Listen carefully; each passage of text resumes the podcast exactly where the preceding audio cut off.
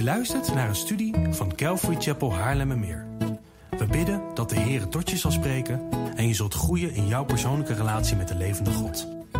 Bezoek voor meer informatie onze website calvarychapel.nl. Dat is C-A-L-V-A-R-Y-C-H-A-P-E-L.nl. Vanochtend wil ik met jullie naar een essentieel onderdeel van ons geloof kijken. Ik wil kijken met jullie naar het feit Jezus, het perfecte lam van God. En dat is niet omdat ik Romeinen niet wil doen, maar dat is omdat ik wegens tijd daar deze week niet, uh, dat, dat lukte niet. Maar dit is wel iets heel erg belangrijks. En de meeste mensen die al een tijdje in de kerk komen, hebben deze term wel eens gehoord. Jezus, het lam van God, het perfecte lam van God, of lam van God, of welke variatie daarop ook. En toch lopen we het gevaar dat dit terminologie is ten opzichte van iets dat veel meer is. Want dit is niet een soort van vakjargon. Dit is iets van essentieel belang voor ons als mensen. Het is essentieel voor ons dat Jezus het perfecte lam van God is. En dat is wat ik vanochtend met jullie naar wil gaan kijken. Ik wil gaan kijken met jullie naar wat het betekent voor ons dat Jezus het perfecte lam van God is. Wat dat voor ons hoort te betekenen in onze harten. Wat dat voor reactie van ons hoort te krijgen. Het feit dat Hij dit is. En misschien is het gewoon een herinnering hieraan. Misschien moet je er voor het eerst bij stilstaan. Misschien is het iets wat je nog nooit gehoord hebt. Maar het feit dat je dit vandaag gaat horen, gaat een reactie van jou, van u en van mij vereisen. Dus laten we samen kijken naar Jezus, het perfecte lam van God. En ik wil dat samen met jullie doen uit 1 Petrus hoofdstuk 1. Dus als je een Bijbel bij je hebt of een Bijbeldragend device, blader of swipe naar 1 Petrus 1, vers 15 tot en met 19. En de apostel Petrus is hier een, een fantastisch stuk aan het schrijven. Het is echt het waard om, om dit tot in detail uit te diepen, maar ik wil me richten op een aantal dingen. En als we samen lezen wat Petrus hier schrijft, dan zegt hij: Maar zoals hij die u geroepen heeft heilig is, wordt zo ook zelf heilig in heel uw levenswandel. Want er staat geschreven: Wees heilig, want ik ben heilig. En als u hem als vader aanroept, die zonder aanzien des persoons naar ieders werk oordeelt, wandel dan in de vrezen des Heren gedurende de tijd van uw vreemdelingschap. In de wetenschap dat u niet met vergankelijke dingen, zilver of goud, vrijgekocht bent van uw zinloze levenswandel, die u door de vaderen overgeleverd is, maar met het kostbaar bloed van Christus, als van een smetteloos en onbevlekt lam. Laten we bidden. Heere God, we danken u voor uw woord. We danken u dat dit woorden van eeuwig leven zijn. We danken u dat dit het woord is dat u gesproken hebt tot Petrus en dat al die jaren bewaard is voor ons. En Heere, dank u wel dat dit niet zomaar woorden zijn, maar dank u wel dat dit uw woord is, dat waarheid is, zoals we uit Johannes 17 weten. Dus laat die waarheid tot onze harten spreken. Laat er niks van mij bij zitten, maar alleen maar uw woorden, want dat zijn woorden van eeuwig leven. En heren, we bidden dat u uw woord zal uitleggen. Heren, we vragen dat in Jezus' naam. Amen. De apostel Petrus is in zijn brief onder andere de kerk aan het uitleggen over redding en over de gevolgen van als je gered bent. Hij legt ze uit in vers 15 en 16 dat God heilig is en dat dat compleet tegenovergesteld is van hoe wij uit onszelf leven. In vers 13 en 14 roept hij ons juist op om niet meer te leven zoals we vanuit onszelf leven, maar om juist vers 15 en 16 te leven naar het feit dat God heilig is. Omdat dat de lat op een heel ander niveau legt. En wat Petrus hier laat zien is dat heilig de standaard is om bij God te komen. Hij zegt: Wees heilig, want ik ben heilig. Petrus wil dat Gods kinderen gaan inzien en meer gaan inzien dat God heilig is. Want dat hoort een effect te hebben op ons. Het is een eigenschap van God waar we niet altijd en soms zelfs niet graag bij stilstaan. We staan liever stil bij het feit dat God liefde is. En dat God genadig is en dat God genade geeft. Maar zijn heiligheid is van ongelooflijk belang voor ons als mensen. Is ongelooflijk belangrijk, omdat dat de enige standaard is die we hebben om bij God te komen. En bij het inzien dat God heilig is, bij het inzien dat dat is hoe wij horen te leven, zegt Paulus dat we dat moeten weten in de wetenschap dat we met het kostbaar bloed van Christus vrijgekocht zijn. Het kostbaar bloed van Christus, vers 19, als van een smetteloos en onbevlekt lam. Hier heb je de term Jezus, het perfecte lam van God. En in openbaring wordt er meer dan dertig keer verwezen naar Jezus als het lam. Of het lam van God. Of het lam dat geslacht is. Maar elke keer wordt Jezus daar neergezet als het lam. Dat is zijn favoriete titel voor zichzelf in openbaring. Het lam van God. Als dit zo, zo centraal staat in het woord, dan is het belangrijk dat wij dit begrijpen. Dan is het belangrijk dat wij weten wat de Heer Jezus en wat de apostel Petrus hiermee bedoelen. Want als het zo vaak terugkomt, bijvoorbeeld alleen al in openbaring, dan is het een titel van de Heer Jezus. En de Heer Jezus communiceert dat naar ons, zodat wij dit kunnen leren begrijpen. Maar om dit te kunnen begrijpen, kunnen we niet alleen in 1 Petrus 1 blijven. En ga ik ook niet met jullie de hele brief aan openbaring door. We gaan kijken in het Oude Testament waarom het belangrijk is dat Jezus het lam van God is. Waarom Jezus überhaupt een offer is. En waarom wij vrijgekocht zijn met het kostbaar bloed van Christus. Wat heeft dat bloed er nou weer mee te maken? En ook dat is essentieel voor ons. Om te begrijpen wat de Heere God hier bedoelt, moeten we kijken naar een van mijn favoriete boeken in de Bijbel. En dat is Leviticus. Leviticus 17:11 zegt het volgende: Het leven van het vlees is in het bloed. En God zelf zegt: Ik heb dat zelf voor u op het altaar gegeven om voor uw leven verzoening te doen, want het is het bloed dat door middel van het leven verzoening bewerkt. God is Israël aan het uitleggen hoe zij heilig kunnen worden en heilig kunnen leven. God is Israël aan het uitleggen hoe hij wil dat ze bij hem komen en wat er in de weg staat. En in het boek Leviticus geeft God aan dat de enige weg naar bij God komen door middel van een offer is. Dat is de basis voor een relatie met God, een offer. En in Leviticus worden er vijf offers gegeven in de eerste vijf hoofdstukken, waarbij er vier gaan om een dier dat geslacht wordt. Maar God is niet zozeer geïnteresseerd in een barbecue of God is niet zozeer bloeddorstig. God is vooral geïnteresseerd in het feit dat er iets tussen de mens en hem instaat. En wat er tussen God en mens instaat is zonde. En zonde verdient een straf. Ezekiel 18:20 zegt dat de ziel die zondigt zal sterven. Oftewel, ieder mens zondigt. Dat weten we ook uit Romeinen hoofdstuk 3. Maar dat is een probleem, want God is heilig. Wat betekent dat God perfect is, zonder zonde? Dat hij geen zonde bij zich kan hebben. Want hij kan alleen dingen bij zich hebben die perfect zijn. En dat sluit alle zondaars uit. En dat is een probleem, want God wil helemaal niet dat wij daarvan uitgesloten worden. God wil het liefst dat wij bij Hem zijn. Want wij zijn de kroon op de schepping, weten we uit Genesis. Dus God heeft ons gemaakt om een relatie met Hem te hebben. Alleen onze keuzes, onze zonde staat in de weg van die relatie met God.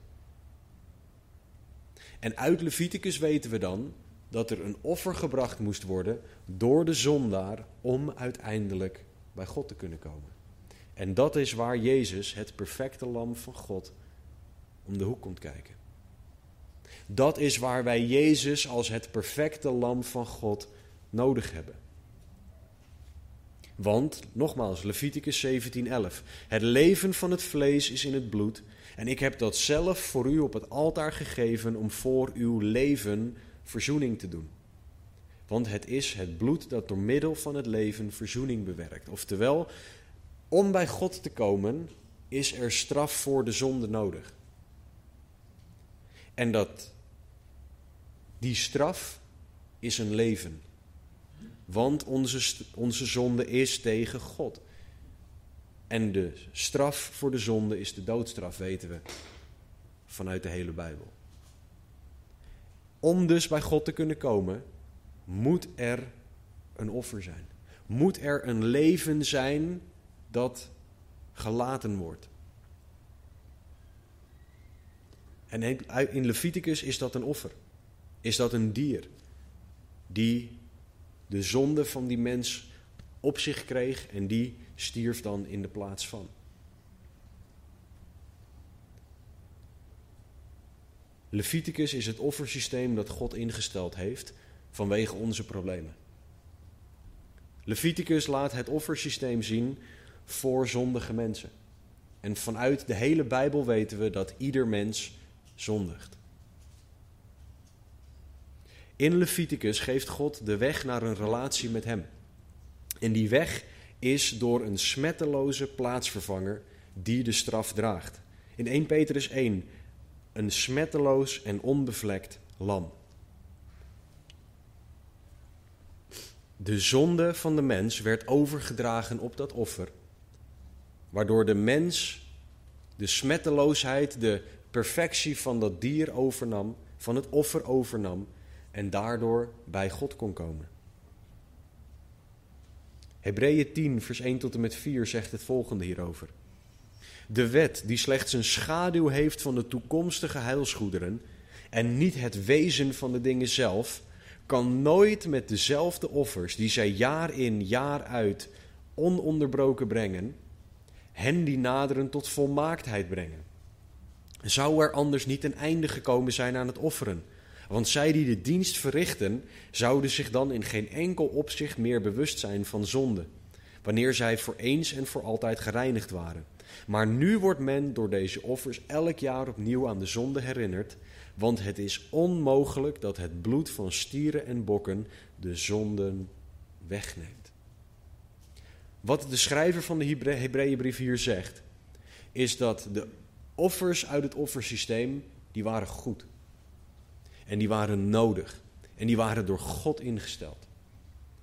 Maar deze offers konden niet de zonde wegnemen. Ze konden de zonde bedekken. Daarom moesten er continu offers gebracht worden.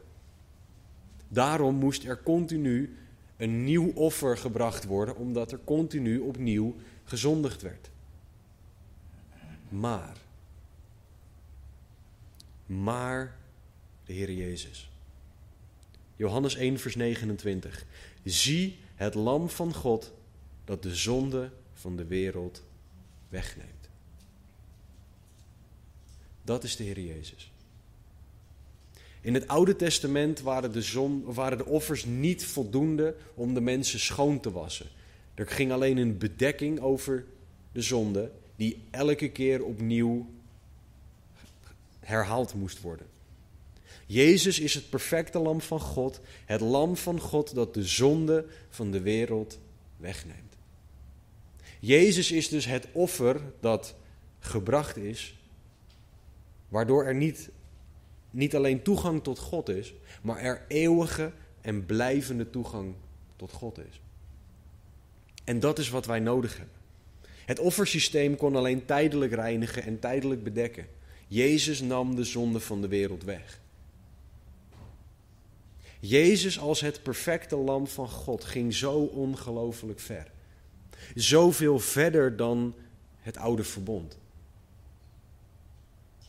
Jezus Christus zorgt ervoor dat wij nu voor eeuwig bij God kunnen zijn. Dus het is ongelooflijk belangrijk dat Jezus het perfecte lam van God is. Want anders zouden wij nu nog steeds gebonden zijn aan het offersysteem. En zouden wij nog steeds offers moeten brengen elke keer wanneer wij gezondigd hebben?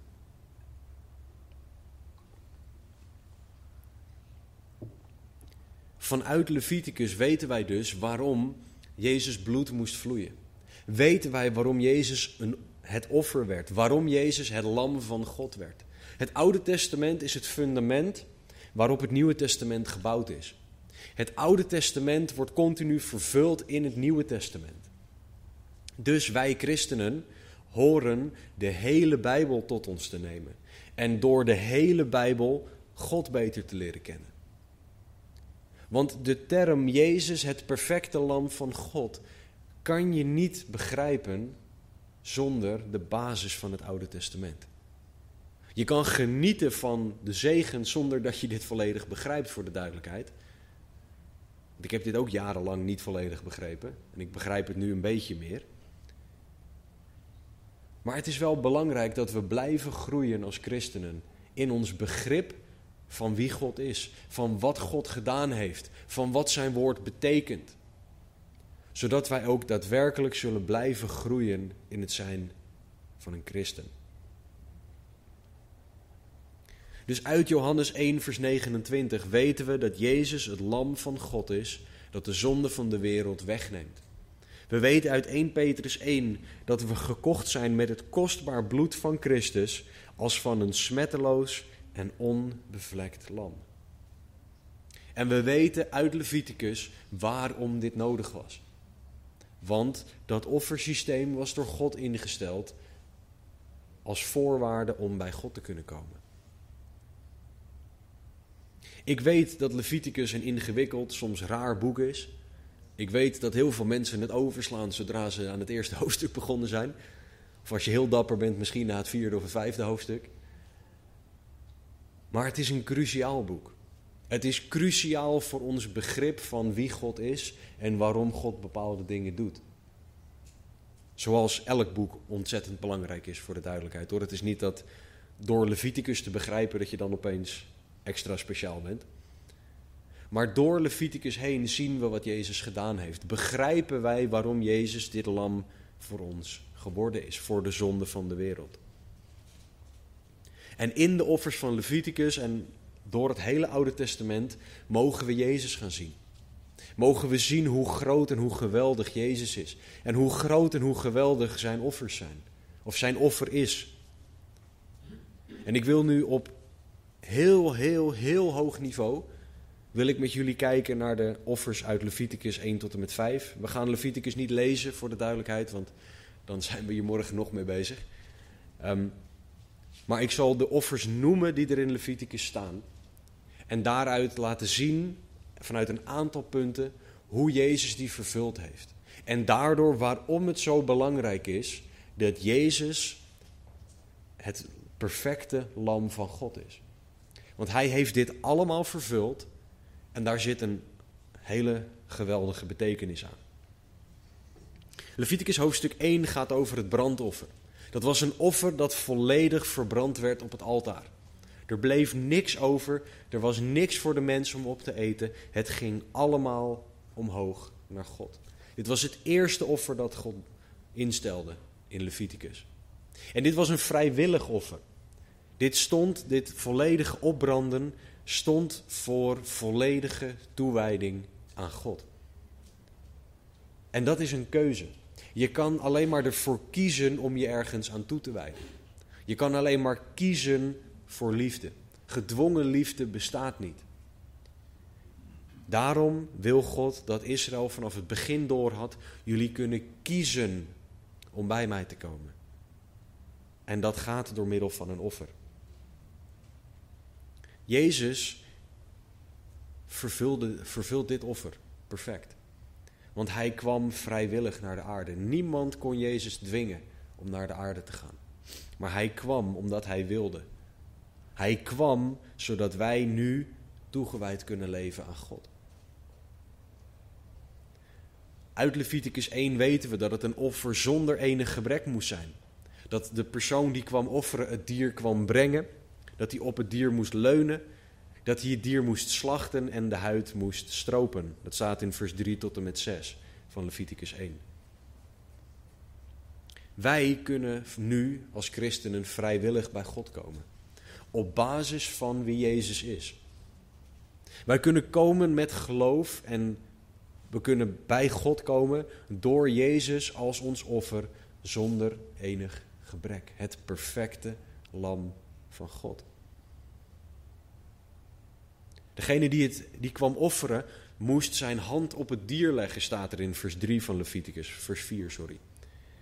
Dat heeft het idee van erop leunen en overeind gehouden worden door. Alleen Jezus kan ons overeind houden voor het aangezicht van de Heer. Want Hij is het perfecte lam van God. Het dier moest in vers 5 en 6 van Leviticus 1 geslacht worden en de huid moest eraf gehaald worden. Jezus is voor ons letterlijk geslacht. Als je ziet wat er met hem gebeurd is. Uit Jesaja weten we dat hij zo geslagen is dat hij niet meer te herkennen was als een mens. De huid werd van zijn rug gehaald. Lezen we over in Jesaja 53 in de Evangelie. Omdat hij voor onze zonde aan het kruis ging. Omdat hij voor onze zonde aan het kruis ging, kunnen wij nu bij God komen. Jezus vervult dit perfect. Geslacht en, en gestroopt, zoals bij het offer. Dat is wat er met Jezus gebeurd is voor ons. Jezus, het perfecte lam van God. Daardoor kunnen wij nu een relatie met God hebben. Daardoor kunnen wij ons nu toewijden aan God. Wij kunnen niet uit onszelf bij God komen. Niemand is goed genoeg om bij God te komen en te zeggen: Ik ben goed genoeg, u moet mij nu accepteren. Sowieso moet God helemaal niks. Dat krijg je als je almachtig bent, dan hoef je heel weinig. Maar uit onszelf zijn wij allen doemwaardig in Gods ogen, zegt Romeinen 3:19. Wat betekent dat onze daden niks anders doen dan de doodstraf verdienen. En Jezus Christus heeft ervoor gezorgd dat er toch een weg is naar een relatie met God. Jezus Christus, het perfecte lam van God. In Leviticus 2 wordt er over het graanoffer gesproken, het enige offer waarbij er geen dier geofferd werd. Dit offer gaat over je dienstbaarheid, dus een onderdeel van je leven aan God toewijden. Dit was ook een vrijwillig offer. Er moest fijn gemalen graan moest, moest bereid worden en geofferd worden aan de Heer. Jezus is het brood des levens, weten we uit Johannes 6, 35. Jezus was het, het brood zonder zuurdesem. Het zuurdesem is in de Bijbel een beeld van zonde. Jezus was het brood des levens zonder zonde. En hij vervult het graanoffer perfect. Want het graanoffer moest met olie en met wierook gebracht worden. Olie is in het Oude Testament een beeld van de Heilige Geest. Als je daar meer over wil weten waarom ik dat zeg, dan mag je me na de studie even aanspreken. Olie als een beeld van de Heilige Geest. Wierook is een beeld van gebed. Dat weten we bijvoorbeeld uit Openbaring. Jezus luisterde perfect naar de leiding van de Heilige Geest. Zijn hele leven lang was hij het brood des levens waar olie bij zat, waar de leiding van de geest bij was. En Jezus was continu in gebed naar de Vader, die wierook. Jezus was het perfecte lam van God, ook in het feit dat door zijn leven hij het graanoffer vervuld heeft.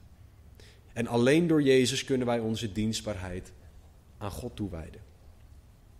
Leviticus 3 is het dankoffer. Dit is het offer waar de meeste mensen afhaken. Moet je maar lezen in Leviticus 3. Een deel van dit offer werd opgebrand aan God. En een deel werd door degene die kwam offeren gegeten. Waarom haken de meeste mensen af? Omdat degene die het offer kwam brengen, de nieren en het vet op de kwap van de nieren en al dat soort hele bloederige en bijzondere details moest offeren. Maar waar komt dit nou op neer? Het diepste van de persoon, de ingewanden, want dat was, een beeld van het diepste, moest aan God geofferd worden. Het vet, dat wordt gezien als het beste. Als je een maaltijd lekkerder wil maken, dan doe je er een beetje vet bij. gemiddeld gezien voor de meesten die vlees eten. Dat zijn de dingen die wij lekker vinden. Dat zijn de beste en de diepste dingen. De diepste dingen, de ingewanden. Het beste is het vet. En dat moest opgebrand worden aan de Heer. God dacht ook nog aan ons cholesterol, want hij zegt letterlijk dat er geen vet gegeten mocht worden. Dus hé, hey, het is ook nog eens goed voor ons om dat zo te doen. Maar dit offer was een offer waarbij er ook fellowship of gemeenschap was. Want degene die kwam offeren, mocht samen met God eten van dat offer. Ook hierin is de Heer Jezus weer de complete vervulling. Want Jezus gaf aan het kruis het beste en het diepste van zichzelf. Hij gaf alles van zichzelf. En daardoor kunnen wij nu een relatie met God hebben. Door Jezus offer aan het kruis kunnen wij dit doen. Zonder zijn offer hadden wij nooit God dankbaar kunnen zijn voor zijn redding. Hadden wij nooit die relatie met God kunnen hebben, dat wij bij Hem kunnen komen. Dus het is ook hier van groot belang dat Jezus het perfecte lam van God is. Hij is het offer waardoor de wet vervuld is. Uit Matthäus 5 weten we dat Jezus de wet compleet vervulde. Dus ook alle offers. En doordat Jezus dat voor ons gedaan heeft, hoeven wij niet langer zelf de wet te vervullen. Maar heeft Jezus dat al voor ons gedaan. Jezus, het perfecte lam van God.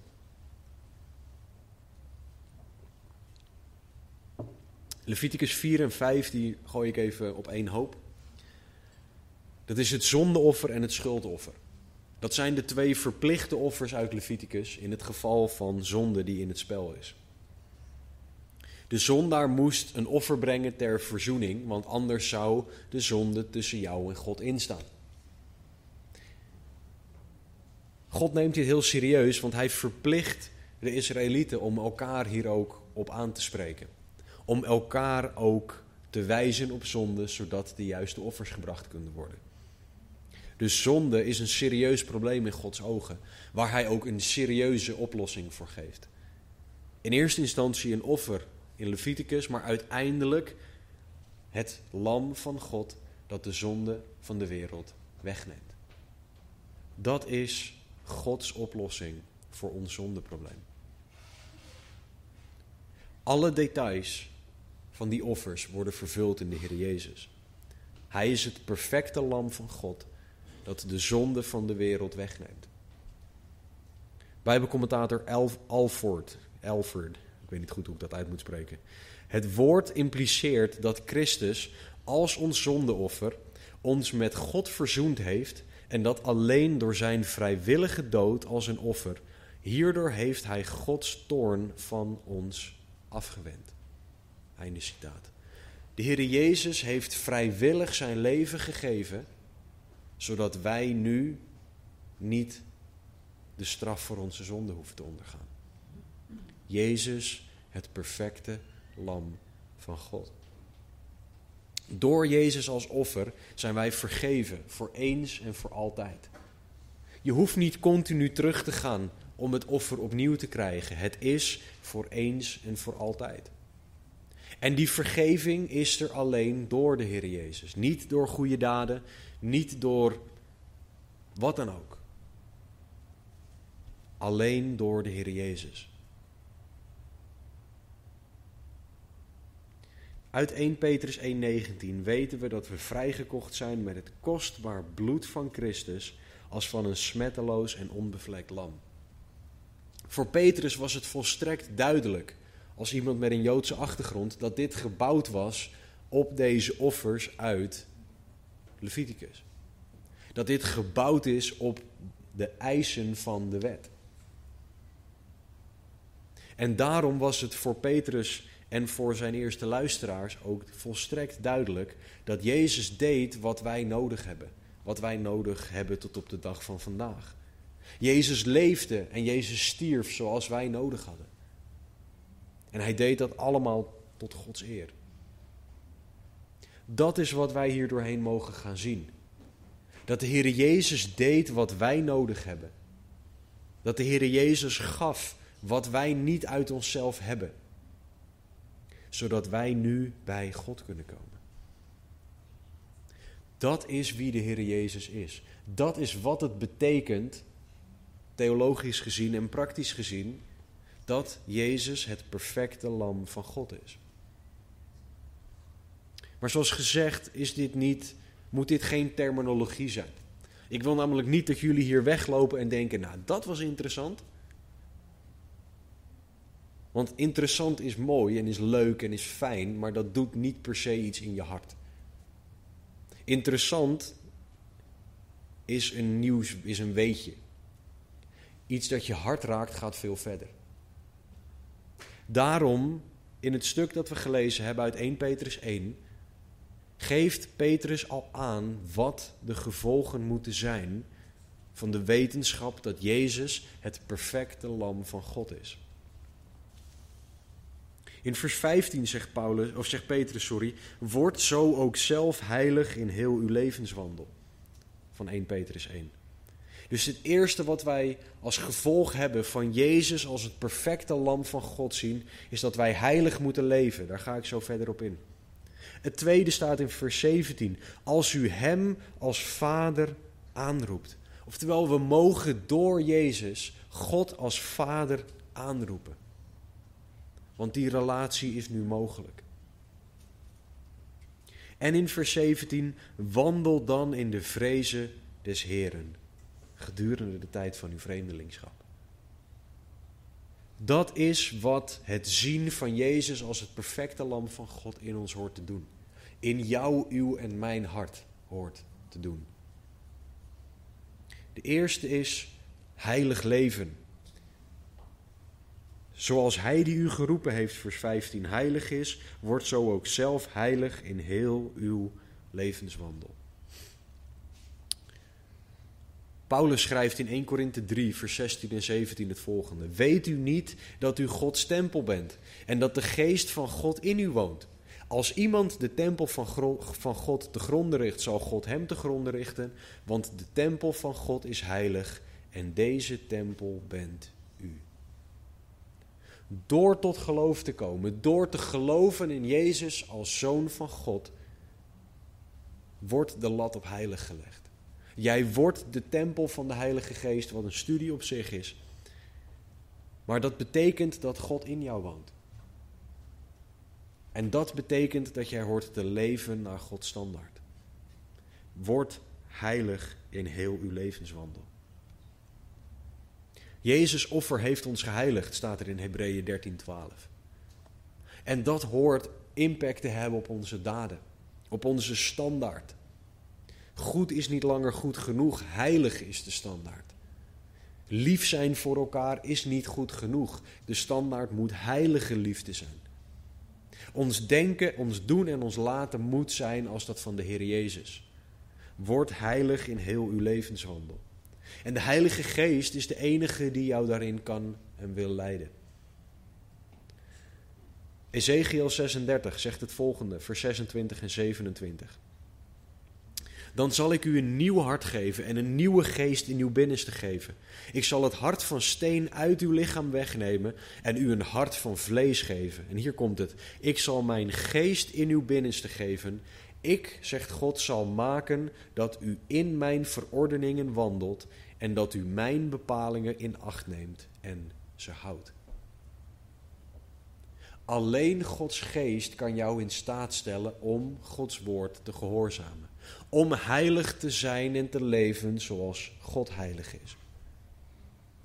Dus luister naar de Heilige Geest. Doe wat het woord zegt. Volg het voorbeeld van Jezus als het perfecte lam van God. Want in alles wat hij deed was hij perfect. Daardoor kon hij uiteindelijk voor ons sterven aan het kruis. Word zo ook zelf heilig in heel uw levenswandel. Het tweede wat het, hoort, wat het met ons hoort te doen, het zien van Jezus als het perfecte lam van God, is dat we God als Vader mogen aanroepen. Vers 17 uit 1 Petrus 1. En als u Hem als Vader aanroept. We mogen God aanroepen als onze Vader. God is onze Papa in de hemel. Vader klinkt zo afstandelijk, daar, je mag gewoon papa zeggen. In het Hebreeuws is het het woord Abba. En ik weet van mijn kinderen die mij Abba noemen, dat dat niet een afstandelijk iets is waarbij je met een drievoudig ondertekend iets van een notaris komt. Dit is gewoon je papa. Zo mogen wij naar God toe gaan. 2 Korinthe 1, 3. Geprezen zij de God en Vader van onze Heer Jezus Christus, de Vader van de barmhartigheden en de God van alle vertroosting. Dat is onze papa. De Vader van de barmhartigheden, de God van alle vertroosting. Door Jezus kunnen wij God behandelen als onze papa. Door Jezus kunnen wij een relatie met de God van de barmhartigheden, of de Vader van de barmhartigheden en de God van alle vertroosting hebben.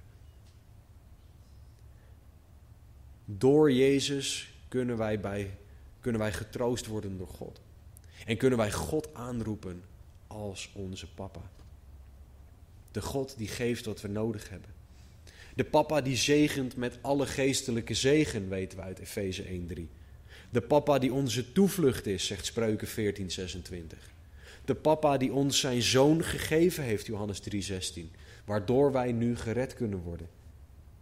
En dit is de papa die ervoor gezorgd heeft dat wij vrijmoedig kunnen naderen.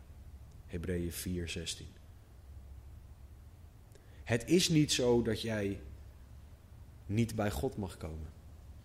Ja, je mag ontzag hebben voor God. Ja, je hoort ontzag te hebben voor God. Maar je mag vrijmoedig naderen, oftewel vrij naderen naar onze papa. Wetende dat hij God is, wetende dat hij jouw hemelse papa is. Er zijn te veel christenen die God puur en alleen zien als een rechtvaardig, heilig en perfect God. En voor de duidelijkheid, God is al die dingen. Veel meer dan dat wij doorhebben. Maar God is ook onze papa. Hij is onze vader. Daarom toen Jezus de discipelen leerde bidden in, in Matthäus 5, zei hij, O Heer, u die hoog en verheven in de hemel bent. Nee, dat gebed begint onze Vader. Toen al was duidelijk dat wij vrijmoedig naar onze hemelse Papa mogen komen. Door Jezus, het perfecte lam van God. Jezus offer heeft de weg vrijgemaakt voor ons om bij God te komen als onze hemelse Papa. Je mag weten dat je geliefd bent, gewild bent, dat God er naar uitziet om tijd met jou door te brengen. Het is niet zo dat God zit te zuchten en te steunen omdat hij weer tijd met jou moet doorbrengen. En dat hij op zijn hemelse horloge aan het kijken is, hoe lang het nog duurt voordat je weer uh, gaat wieberen.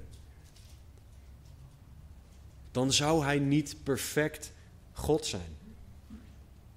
Hij wil juist een relatie met jou hebben. Hij wil juist dat jij bij hem komt. En je mag vrijmoedig bij hem komen. Door Jezus, het perfecte lam van God. Het derde en laatste punt over wat dit in ons leven hoort te doen, Jezus, het perfecte lam van God, is dat we mogen en horen te wandelen in de vrezen des Heren. Psalm 103, vers 13. Zoals een vader zich ontfermt over zijn kinderen, zo ontfermt de Heere zich over wie hem vrezen. Nou, bij vrezen denken wij aan angst en aan bang zijn en aan wegrennen van iets, want daar ben, dat vrees ik. Dit is iets anders. Dit is ontzag hebben. Dit is dat respect hebben voor. Inzien dat God alle dingen kan doen dat Hij de God is die almachtig en alwetend is.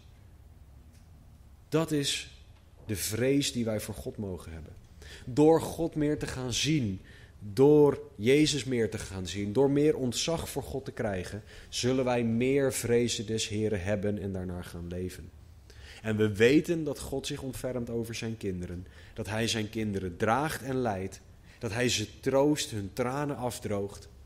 En dat hij dat voor hen is. We mogen zien dat die hemelse papa voor zijn kinderen zorgt. En dat zijn zorg ongelooflijk groot is en veel verder gaat dan dat wij doorhebben. Dus leef in ontzag en respect voor Hem. Leef in de vrezen des Heren, wetende wie Hij is. Groeiende in het feit dat we in de Bijbel zien dat Hij rechtvaardig is. Dat Hij heilig, liefdevol, genadig, wraakzuchtig, alomtegenwoordig, barmhartig is. Daardoor zal je meer ontzag voor je papa gaan krijgen. En alleen door Jezus' offer is God leren kennen mogelijk. Door Jezus, het perfecte lam van God, is het mogelijk om in ontzag voor God te leven, wetende dat Hij jouw hemelse papa is. Petrus zet Jezus neer als het perfecte lam van God. Een smetteloos en onbevlekt lam. En dat betekent zo ongelooflijk veel. Dit zegt iets over Gods karakter, over Gods daden, over wat God wel en wat God niet wil. Dit is Gods liefde die zichtbaar wordt. Want nogmaals, niemand kan Jezus dwingen om dit voor jou en voor mij te doen. Hij deed dit, zijn leven geven, omdat hij van je houdt.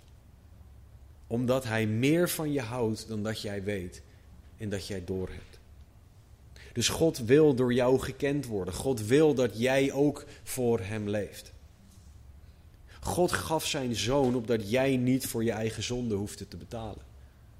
Maar als jij ervoor kiest om niet te geloven in Jezus als zoon van God, dan zal jij uiteindelijk voor je eigen zonde moeten betalen.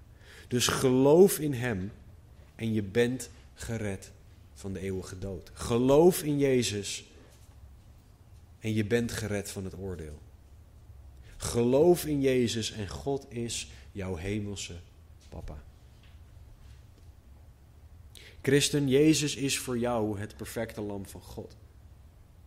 Zoek in het woord naar de vervulling of naar wat Jezus allemaal vervuld heeft in het Oude Testament. Vanuit het Oude Testament moet ik eigenlijk zeggen. Je zal versteld staan. Het is echt ongelooflijk hoeveel hij gedaan heeft. Christen, Jezus heeft alle offers uit Leviticus 1 tot en met 5 voor jou vervuld, zodat jij die offers niet meer hoeft te brengen. Hoe dankbaar ben jij, Jezus? En christen, leef jij heilig? Roep jij God aan als Vader en leef jij vol ontzag voor Hem? Of schort er daar iets aan? Als jij op een van deze dingen nee antwoordt, vraag God om bekering zodat jij rein en heilig voor Hem zal leven, op Zijn manier, omdat Jezus het perfecte lam van God is. Laten we bidden. Heere God, we danken u voor uw woord. We danken u dat u spreekt door uw woord heen. We danken u dat u goed en trouw bent en dat we u mogen kennen.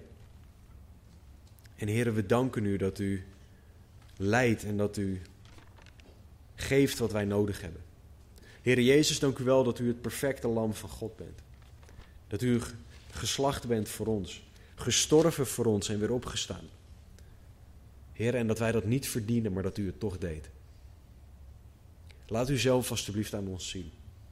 Laat zien wat het betekent dat u het perfecte lam van God bent. Laat aan ons zien, Heer, hoe groot uw liefde is. Heer, breng mensen op dit moment tot geloof. Overtuig alstublieft van zonde, gerechtigheid en oordeel. Heren, doe wat nodig is in alle harten. Heren, we loven en we prijzen u, we danken u. In Jezus' naam. Amen. We vieren vanochtend heilig avondmaal. Dat staat op de tafel daar in het midden opgesteld. Het avondmaal is voor een ieder die in Jezus Christus gelooft. Dus dat is onze enige voorwaarde. Dat is iets tussen jou en de Heer. Dus als je mee wilt doen, doe mee.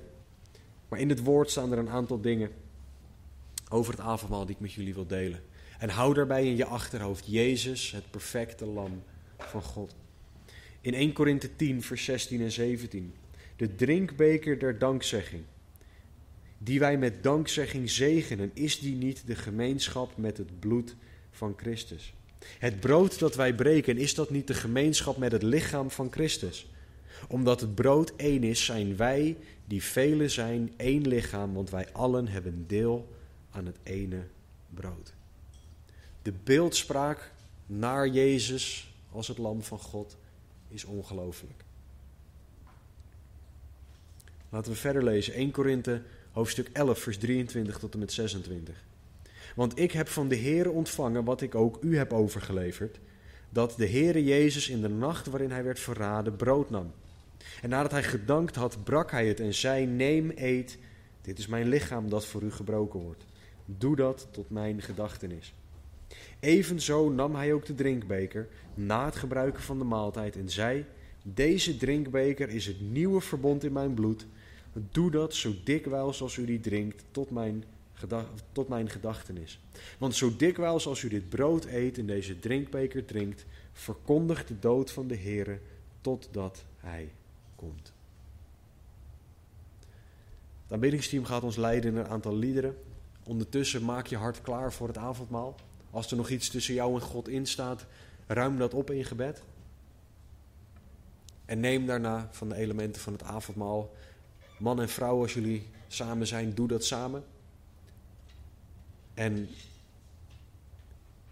vraag aan God om jou meer en meer onder de indruk te maken van Jezus Christus, het Lam van God.